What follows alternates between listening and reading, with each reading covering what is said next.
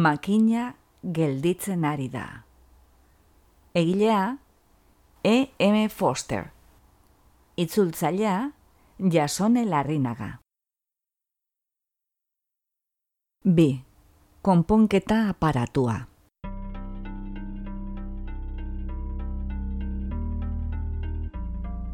Sarrera batetik, igogailu batetik, nasa tubular batetik, plataforma batetik, ate lerragarri batetik, irterako urrats guztiak alderantzikatu ondoren, basti semearen gelara iritsi zen.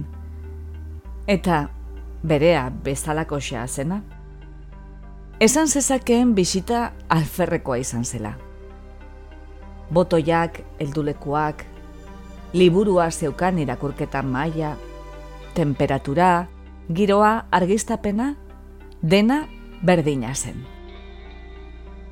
Eta kuno bera, bere aragiaren aragia, bere ondoan bazegoen azkenean zein zen horren onura. Basti ondo egie ezia zegoen ari eskua emateko. Begiak apartatuz, onela mintzatu zen. Hemen nago. Bidaia ikaragarria izan dut, eta biziki atzeratu dut nire harimaren garapena. Ez du merezi, kuno, ez du merezi. Nire denbora preziatu egia da.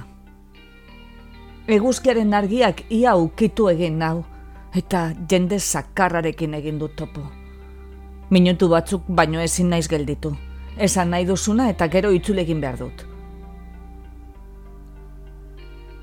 Etxegabetasunarekin mehatxatu naute. Esan zuen kunok. Orain, begiratu egin zion.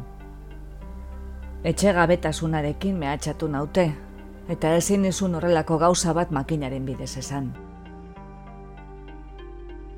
Etxegabetasunak eriotza esan nahi du. Biktima, airearen eraginpean jartzen da, eta aireak hil egiten du. Kanpoan egona zurekin azkeneko zitze egin nuenetik. Bere biziko gauza gertatu da, eta deskubritu egin naute. Baina zergatik ez kanpora joan behar. Egin zuen oio bastik. Erabat legezkoa da, erabat mekanikoa, lurraren azala bizitatzea. Orain dela gutxi itxasoari buruzko itzaldi batean egon naiz, ez dago eragozpenik, Arnaz gailua eskatzen duzu eta irteteko baimena lortzen duzu. Ez da jende espiritualak egin ohi duen gauza bat, eta ez egiteko erregutuko nizuke, baina ez dago eragozpen juridikorik. Eneukan irteteko baimenik. Orduan zelan irten zenuen? Modu bat aurkitu nuen nire kabuz.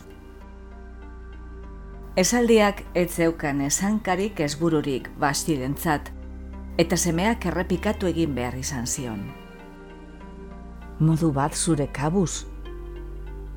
Esan zuen apeka. Baina hori txarto dago. Zergatik. Galderak zur eta lur utzi zuen basti. Makina gurtzen hasi zara esan zuen kunok ostasunez. Erligioaren kontrakoa eruditzen zaizu nire kabu zirteteko modua aurkitu izana. Hori xoste zuen batzordeak, etxegabetasunarekin mehatxatu nindutenean. Basti azerretu egin zen. Ez dute zer gurtzen, esan zuen. Oso aurreratua naiz. Ez dut uste erligio gabekoa zarenik, espaita erligiorik gelditzen. Garai batean existitzen ziren beldur eta sineskeria guztiak, makinak zuntzitu zituen. Esan nahi nuen zure kabuz bide bat aurkitzea zela... Gainera ez dago bide berririk kanpora joateko, ate bidetatek izan ezik. Hori da uste orokorra. Eta horretarako irteteko baimena behar da. Ezin da kanpora joatea. Liburuak hori dio. Tira, liburua erratuta dago. Zeren nik oinez irten dut. Izan ere, kunok nolabaiteko indar fizikoa zeukan. Garai hartan, gihartsua izatea demeritua zen. Jaiotzean aur guztiak astertzen ziren, eta beharrezen indarra iragartzen zuena suntsitu egiten zen. Errukitzuek protesta egin zezaketen, baina kirolari bat bizirik ustea, etzatekeen benetako ontasuna izango, inoiz ezatekeen zoriontzu izango, makinak emango zion bizimodu hartan. Desiratuko zukeen, zuaitzak igotzea, ibaietan bainatzea, pelardiak eta muñoak bere gorputza neurtu alizateko gizona bere ingurunera egokitu behar da, ez da? Munduaren egun sentian, aulak taigeto mendian utzi behar ziren. Iluna barrean indartsuek eutanasia jasango dute. Makinak aurrera egin dezan. Makinak aurrera egin dezan. Makinak aurrera egin dezan betiko.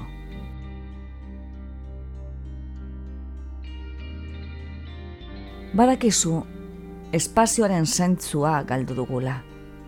Esan hori dugu, espazioa suntzitu dugu, baina ez dugu espazioa suntzitu, haren zentzua baizik. Gure zati bat galdu dugu. Berreskuratzea erabaki nuen, eta nire gelaren kanpokaldean dagoen trenbidearen plataforman gora eta bera ibiltzen hasi nintzen. Gora eta bera, nekatu nintzen arte. Eta horrela berreskuratu nituen urbil eta urrun kontzeptuen esanaia. Urbil da, oinez harin joan naiteken lekua, ez trenak edo aireontziak harin eramango nauten lekua. Urrun da, oinez harin joan ezin naiteken lekua. Pasabidea urrun dago, trenari deituzkero hogeita mesortzi segundotan iritsi naiteken arren. Gizona da neurria. Hori izan zen nire lehenengo irakasaia. Gizonaren oinak dira distantziaren neurria. Haren eskuak dira jabetzaren neurria. Haren gorputza da gauza maitagarrien desiragarrien eta indartzuen neurria. Gero urrunago joan nintzen. Orduan txedeitu nizun lehenengoz, eta etzen nuen etorri nahi. Iri hau, badakizu, lurra salaren azpian dago eraikita, eta ate bidea baino ez dira agerian geratzen. Nire gelazkanpoko plataforman zehar ibili ondoren, ondoko plataformarako igogailua hartu eta ura korritu nuen, eta horrela plataformak banan-banan, altuenera iritsi arte, eta haren gainean hasten da lurra. Plataforma guztiak dira berdin-berdinak, eta haietan ibiltzean, espazioaren sentsazioa eta giarra garatzea besterik ez nuen lortu. Uste dut posik egon bar nukela horrekin, da gutxi, baina oinez eta gogoetan nenbilela, bururatu zitzeidan gizonek oraindik kanpoko airea arnasten zuten garaietan eraiki zituztela gure hiriak eta airestatze odiak egon zirela langileentzat. Ez neukan beste zer buruan, airestatze odi haiek baino ez. Makinak azkenaldian garatu dituen janari tutu, botika tutu eta musika tutu guztiekin, haiek zuntzitu ote zituzten, edo astarnaren batek iraun ote zuen gauza bat ziurra zen. Inon aurkitzekotan, solairu goreneko trenbideko tuneletan izango litzateke.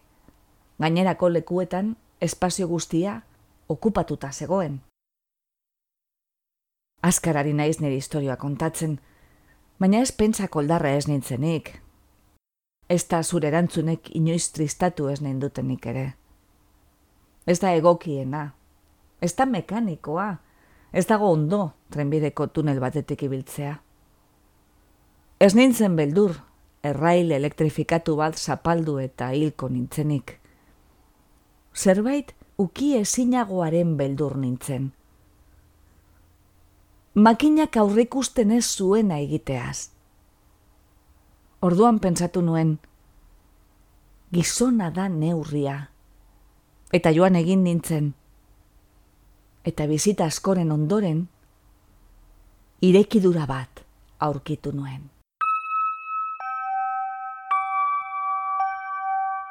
Tuneletan, jakina, argia zegoen.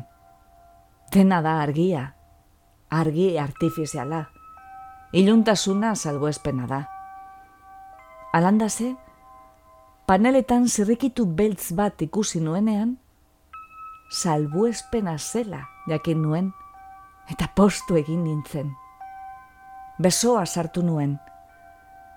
Ezin nuen gehiago sartu hasieran, eta alde batera eta bestera mugitu nuen, estazian. Beste panel bat askatu nuen, eta burua sartu nuen zuloan, eta karrasi egin nuen iluntasunean. Eltzen ari naiz, lortuko dut! Eta nire hautsak pasabide amaigabeetan durundi egin zuen. Basirudien iluntzero izarren argitara eta beren emasten gana itzuli ziren langile hilaien espirituak entzuten dituela. Eta aire zabalean bizi izan ziren belaunaldi guztiek dei egiten zidatela. Lortuko duzu, eiltzen ari zara.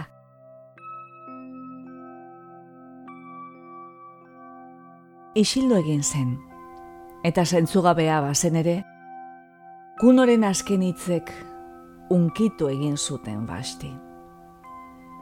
Izan ere, kunok berriki eskatu zuen aita izatea, eta komiteak atzera bota zuen eskaera. Bere moldea etzen makinak iraunarazi nahi zuena.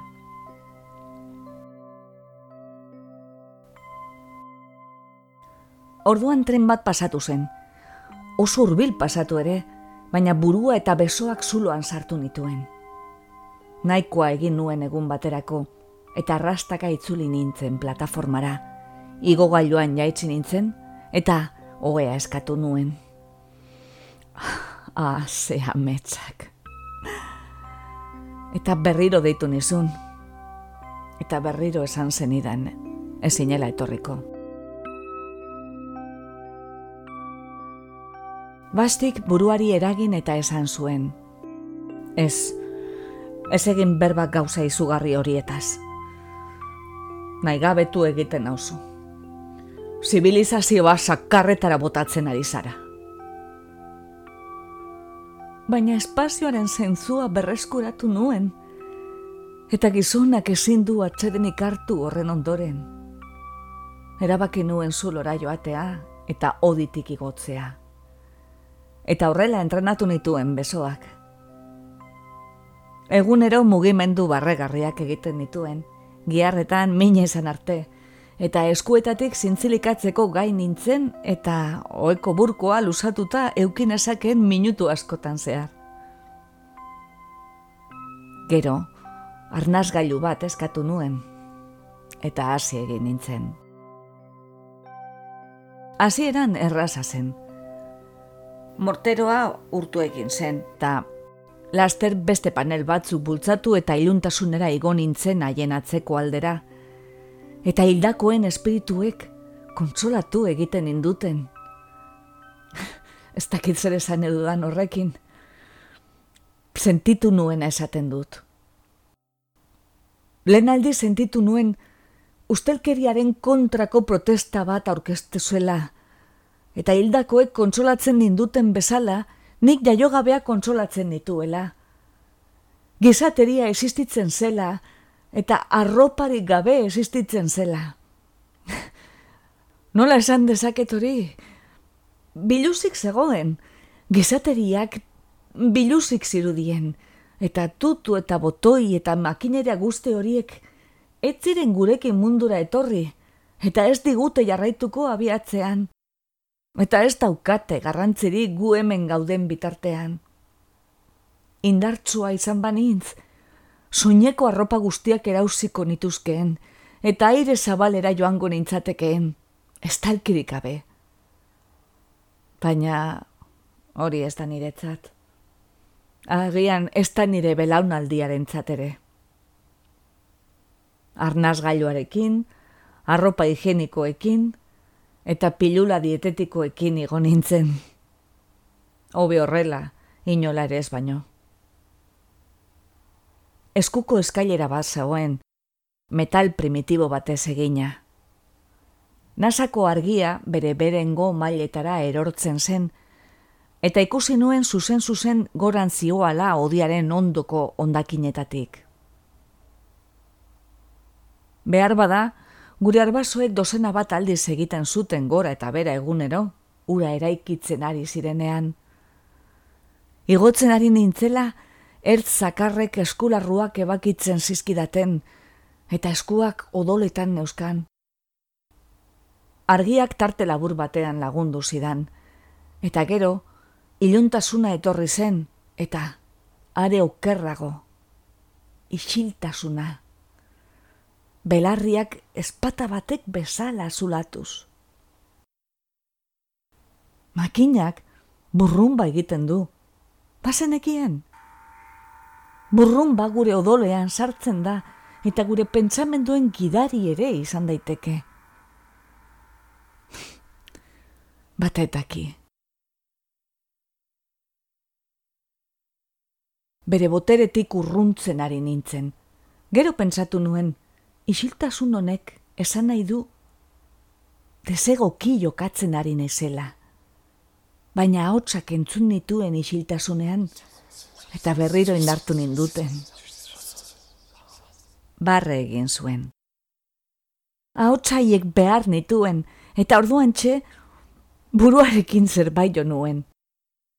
Bastik, asperen egin zuen kanpoko airetik babesten gaituzten tapoi horietako batera iritsi nintzen. Agian aireontzian ikusi dituzu. Ilunetan, oinak eskailera ikusezin baten mailetan, eskuak moztuta, ezin dut azaldu nola gainditu nuen zati hori, baina ahotsek oraindik kontsolatzen induten, eta astamuka hasi nintzen itxituraren baten bila. Tapoiak, uste dut, metro bi eta erdi inguru izango zituen. Eskua gainetik pasa nuen ahal nuen neurrian. Oso leuna zen. Ia erdiraino ukitu nuen. Ez erdi erdiraino. Besoa laburregia nuen eta... Orduan ahotsak esan zuen. Egin salto. Merezi du eldulekuren bat egun daiteke erdian, eta zuk oratu egin diezaiokezu, eta gure gana etorri zure kabuz. Eta eldulekurik espadago, agian erori eta txiki txiki egin zaitezke, baina merezi du ala ere. Ala ere, gure gana etorriko zara zure kabuz. Alandase, salto egin nuen helduleku bat zegoen, eta isilik eratu zen. Malkoak agertu ziren amaren begietan. Basekien kuno kondenatuta zegoela. Espazen gaur hiltzen, bi hilko zen munduan ez zegoen lekurik alako pertsona batentzat. Eta bere naigabea naskarekin nahastu zen. Lotza ematen zion alako semea zerditu izanak, bera beti hain errespetagarria eta ideiaz betea izanik. Benetan ote zen berak palankak eta botoiak erabiltzen irakatzi eta liburuko lehen ikasgaiak eman zizkion mutikoa. Espainia itxura gabetzen zion nilea perak erakusten zuen, itxura basati batera itzultzen ari zela. Makinak ezin du errukirik izan atabismoekin. Helduleku bat zegoen, eta oratu egin nion. Ilunpetan zintzili geratu nintzen. Trantzean. Eta lan haien burrumba entzun nuen. Ilzorian dagoen amets baten azken xuxurla bezala. Axola zitzaizkidan gauza guztiak eta odien bidez nirekin hitz egin zuten pertsona guztiak oso txiki iruditu zitzaizkidan. Bitartean, eldulekua biraka hasi zen. Nire pizuak zerbait abiara hasi zuen eta jira egin nuen poliki. Eta gero, ezin dut eskribatu. Etzanda nengoen, aurpegia eguzkitan. Sudurretik eta belarrietatik odola zeridan, eta izugarrizko horro egin nuen. Tapoia, niari itxatzitan nengoela, lurretik kanpora atera zen besterik gabe, eta hemen bean egiten dugun airea zulotik gora ari zen iez egiten. Iturri bat bezala lehertu zen, arrastaka itzuli nintzen ara. Goiko aireak min ematen baitu, eta nola baita esateko, zurruta dandiak hartu nituen ertzetik. Arnazgailuak egaz egin zuen auskal honora, arropa kurratutan euskan. Espainiak zuloaren ondoan euskala etzan nintzen, eta zurrut egin nuen odol jarioa gelditu zen arte. Ezin duzu gauza bitxiagorik imaginatu belardiko zulo ura, laster mintzatuko naiz horretaz. Eguzkia bertan diztiratzen, ez arraio txu baizik eta odei nabarren artetik. Pakea, ardura gabetasuna, espazioaren zentzua, eta masaila igurtziz gure aire artifizialaren iturri burrun batzua. Laster ikusi nuen arnazgailua, gora eta bera balantzaka, buruaren gainean neukan korrontean, eta are gorago, aire ontzi asko zeuden. Baina inok ez du begiratzen aire ontzietatik kanpora eta nola nahi ere ezin izango ziren nire bila joan. Antxenengoen, pea jota.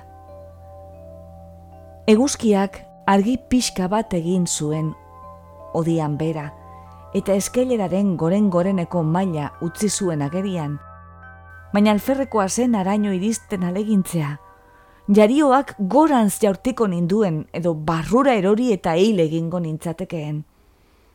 Belarretan etzan besterik ezin nuen egin, zurrupaka eta zurrupaka, eta noizean behin ingurura begiratzen nuen.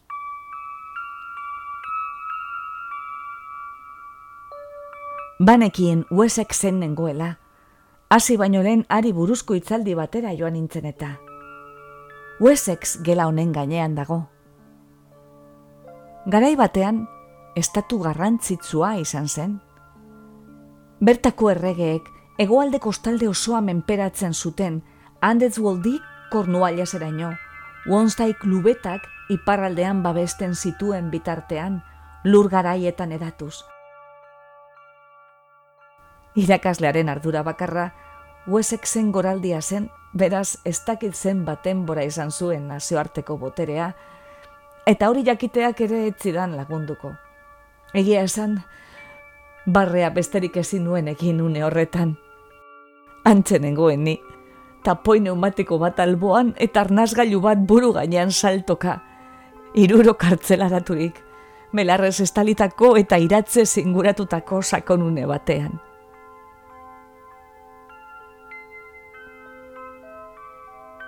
Eta serio jarri zen berriro. Ezkerrakura sakonunea zela. Airea barruan sartzen hasi zen, urak katilua betetzen duen bezala, arrastaka joan ninteke. Gero zutitu egin nintzen. Aire nahasia arnastu nuen, eta min egiten zidan airea nagusitzen zen alboetara igotzen saiatzen nintzenean ezen hain txarra izan. Ez nituen nire pilula galdu eta posik jarraitu nuen, barregarri, eta makinari zegokionez, ahaztu egin nuen erabat. Nire helburu bakarra, iratzea zegoen gailurrera iristea zen, eta arantzago zeuden objektuak ikustea. Ziztu bizian joan nintzen maldatik.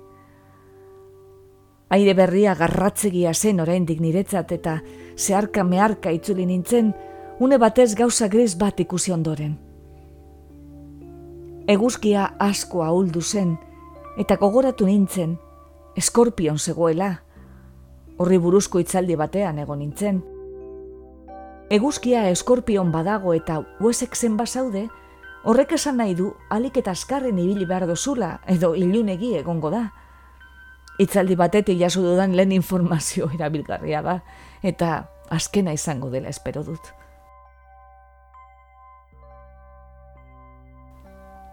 Aire berria arnasten ahal egintzera eraman ninduen horrek, etxipenez, eta urmaletik ausartu bezain urrutien joatera utxunea oso astiro betetzen zen. Batzuetan iruditzen zitzaidan iturria indar gutxiagorekin aritzen zela.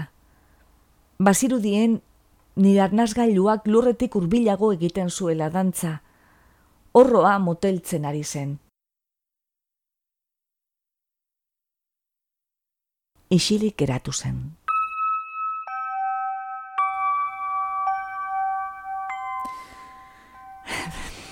Ez dut uste hau zuretzat interesgarria denik. Gainerakoa are gutxiago interesatuko zaizu. Ez dago ideiarik bertan. Eta nahiago nuke etortzeko eskatu espanizu. Ezberdinegiak gara ama.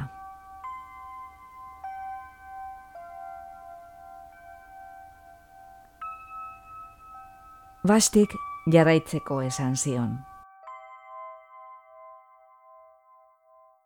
Iluna barra zen muñora igo nintzen erako. Orduraku eguzkia zerutikia desagertuta zegoen eta ezin nuen ondo ikusi.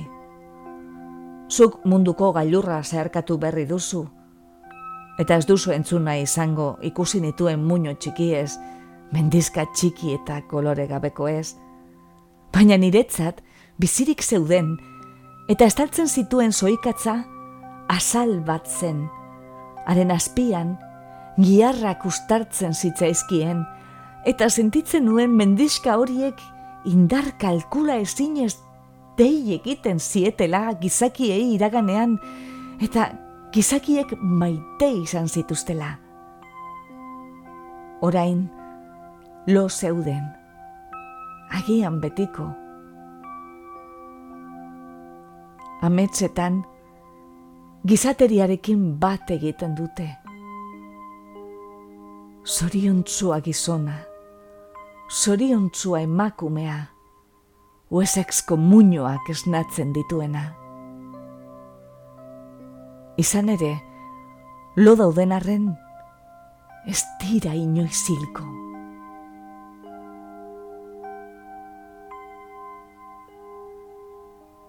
Ezin duzu ikusi, zuek izlariok, ezin duzu ikusi, gu garela hiltzen ari garenak, eta hemen behan benetan bizi den gauza bakarra makina dela. Guk sortu genuen makina, gure borondatea betetzeko, baina orain ezin dugu ura gure borondatea egitera behartu. Espazioaren eta ukimenaren zentzuak kendu dizkigu, gizarreman orola usotu eta maitasuna aragizko ekintza batera murriztu du gure gorputzak eta nahiak ildiarazi ditu, eta orain bera gurtzera behartzen gaitu. Makina gelditzen ari da, baina ez gure hildoetan. Makina aurrera doa, baina ez gure helburura. Bere arteriak zeharkatzen dituzten odol globuloak bezala existitzen gara, eta gu gabe funtzionatu izango balu, hiltzen utziko gintuzke.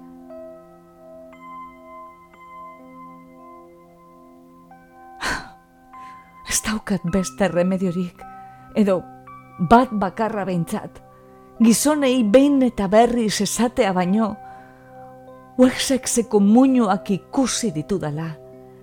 Elfridek Daniarrak bota zituenean ikusi zituen bezala.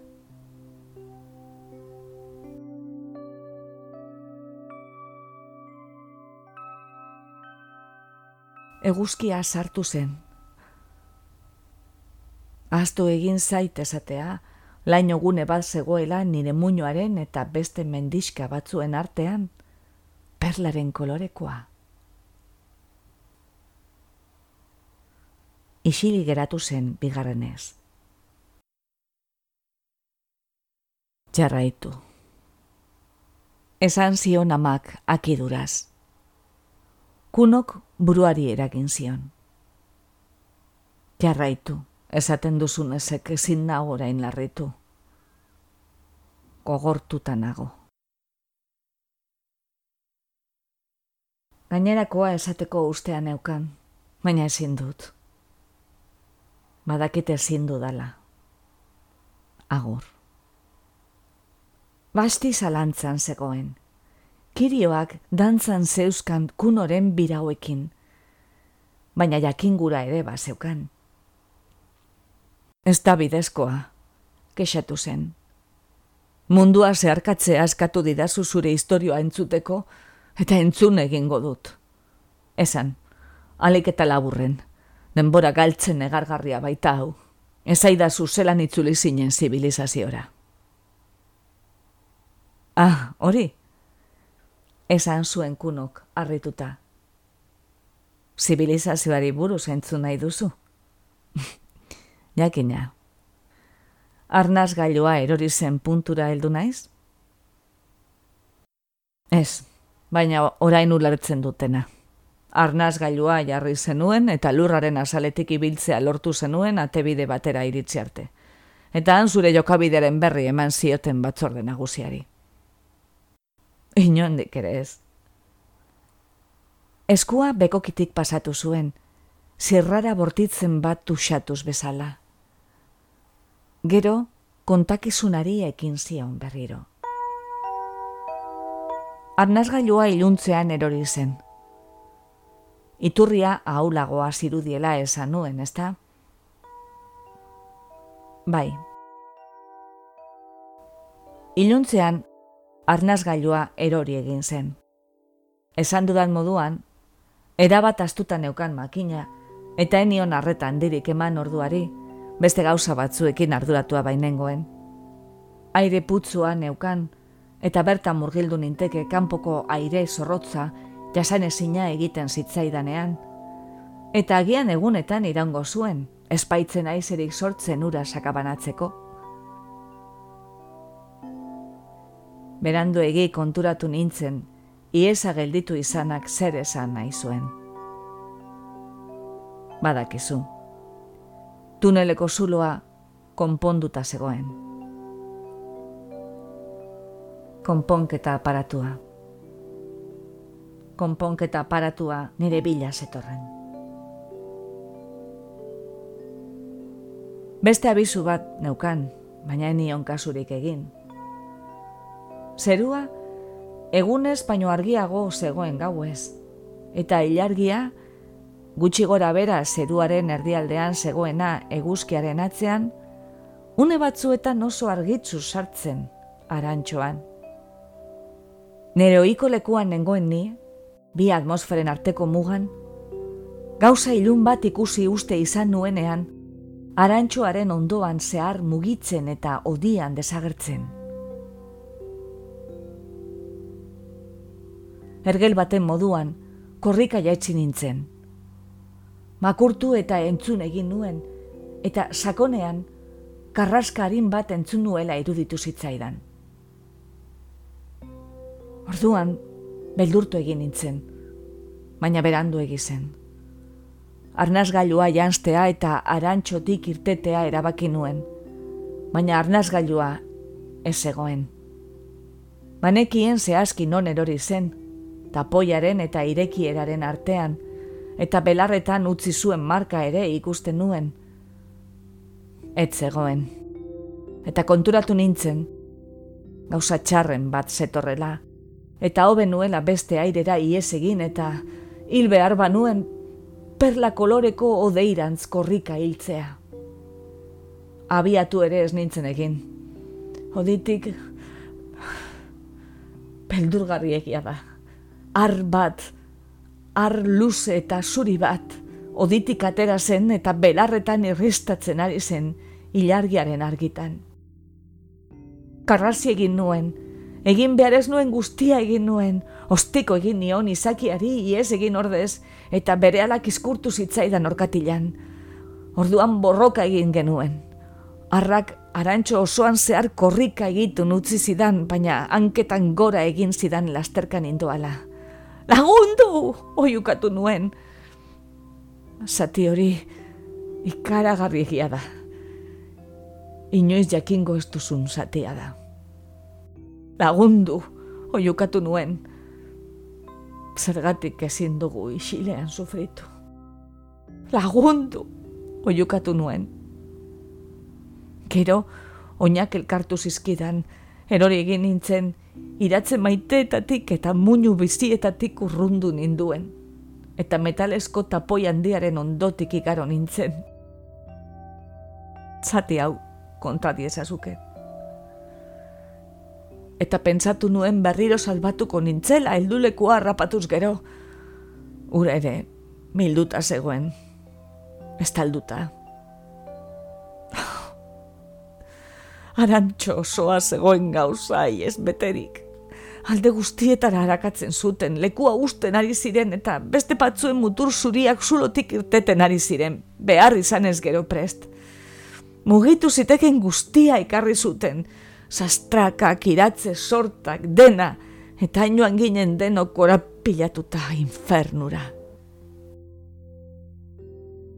Ikusi nituen azken gauzak, tapoia gure atzean itxi baino lehen, izar batzuk izan ziren eta nire gizako gizon bat zeruan bizi zela sentitu nuen. Izan ere, nik borrokatu egin nuen, azken azkenera ino egin nuen borroka, eta buruarekin eskaileraren kontra jotzean soilik gelditu nintzen. Gela honetan ez natu nintzen.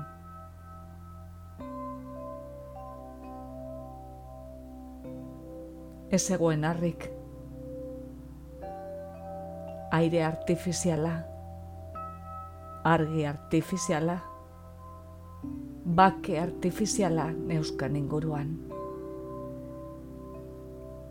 Eta dizkideak, hitz egiteko dutuetatik deitzen ari ziren, azken aldi honetan ideia berririk izan noten nuen, jakiteko.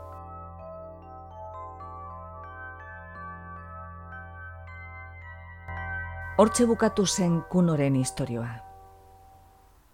Ezin zitekeenaren inguruan eztabaidatu. Eta basti, joateko prestatu zen.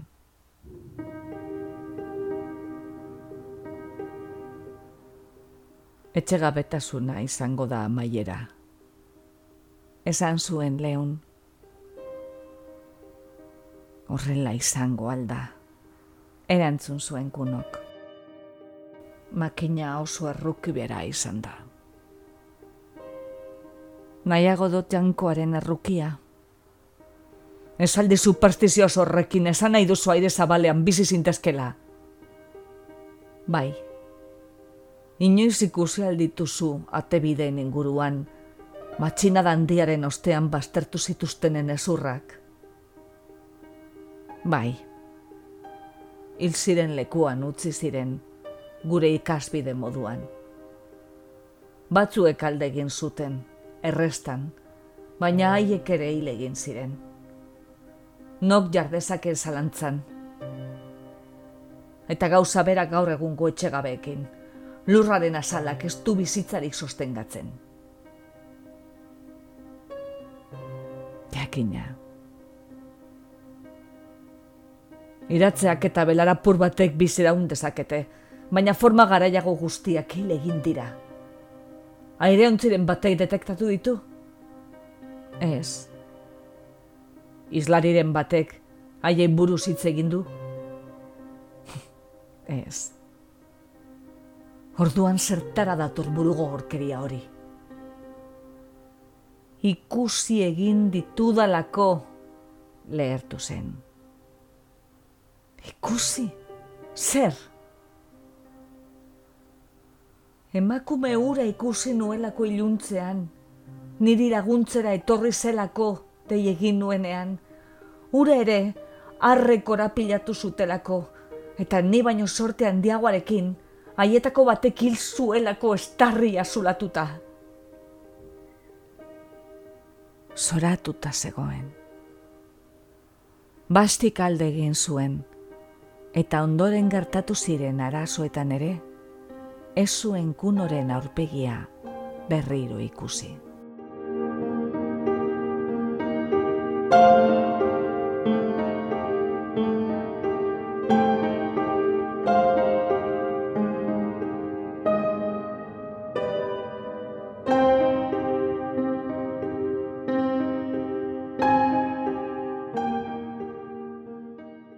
Entzun duzu, makina gelditzen ari da.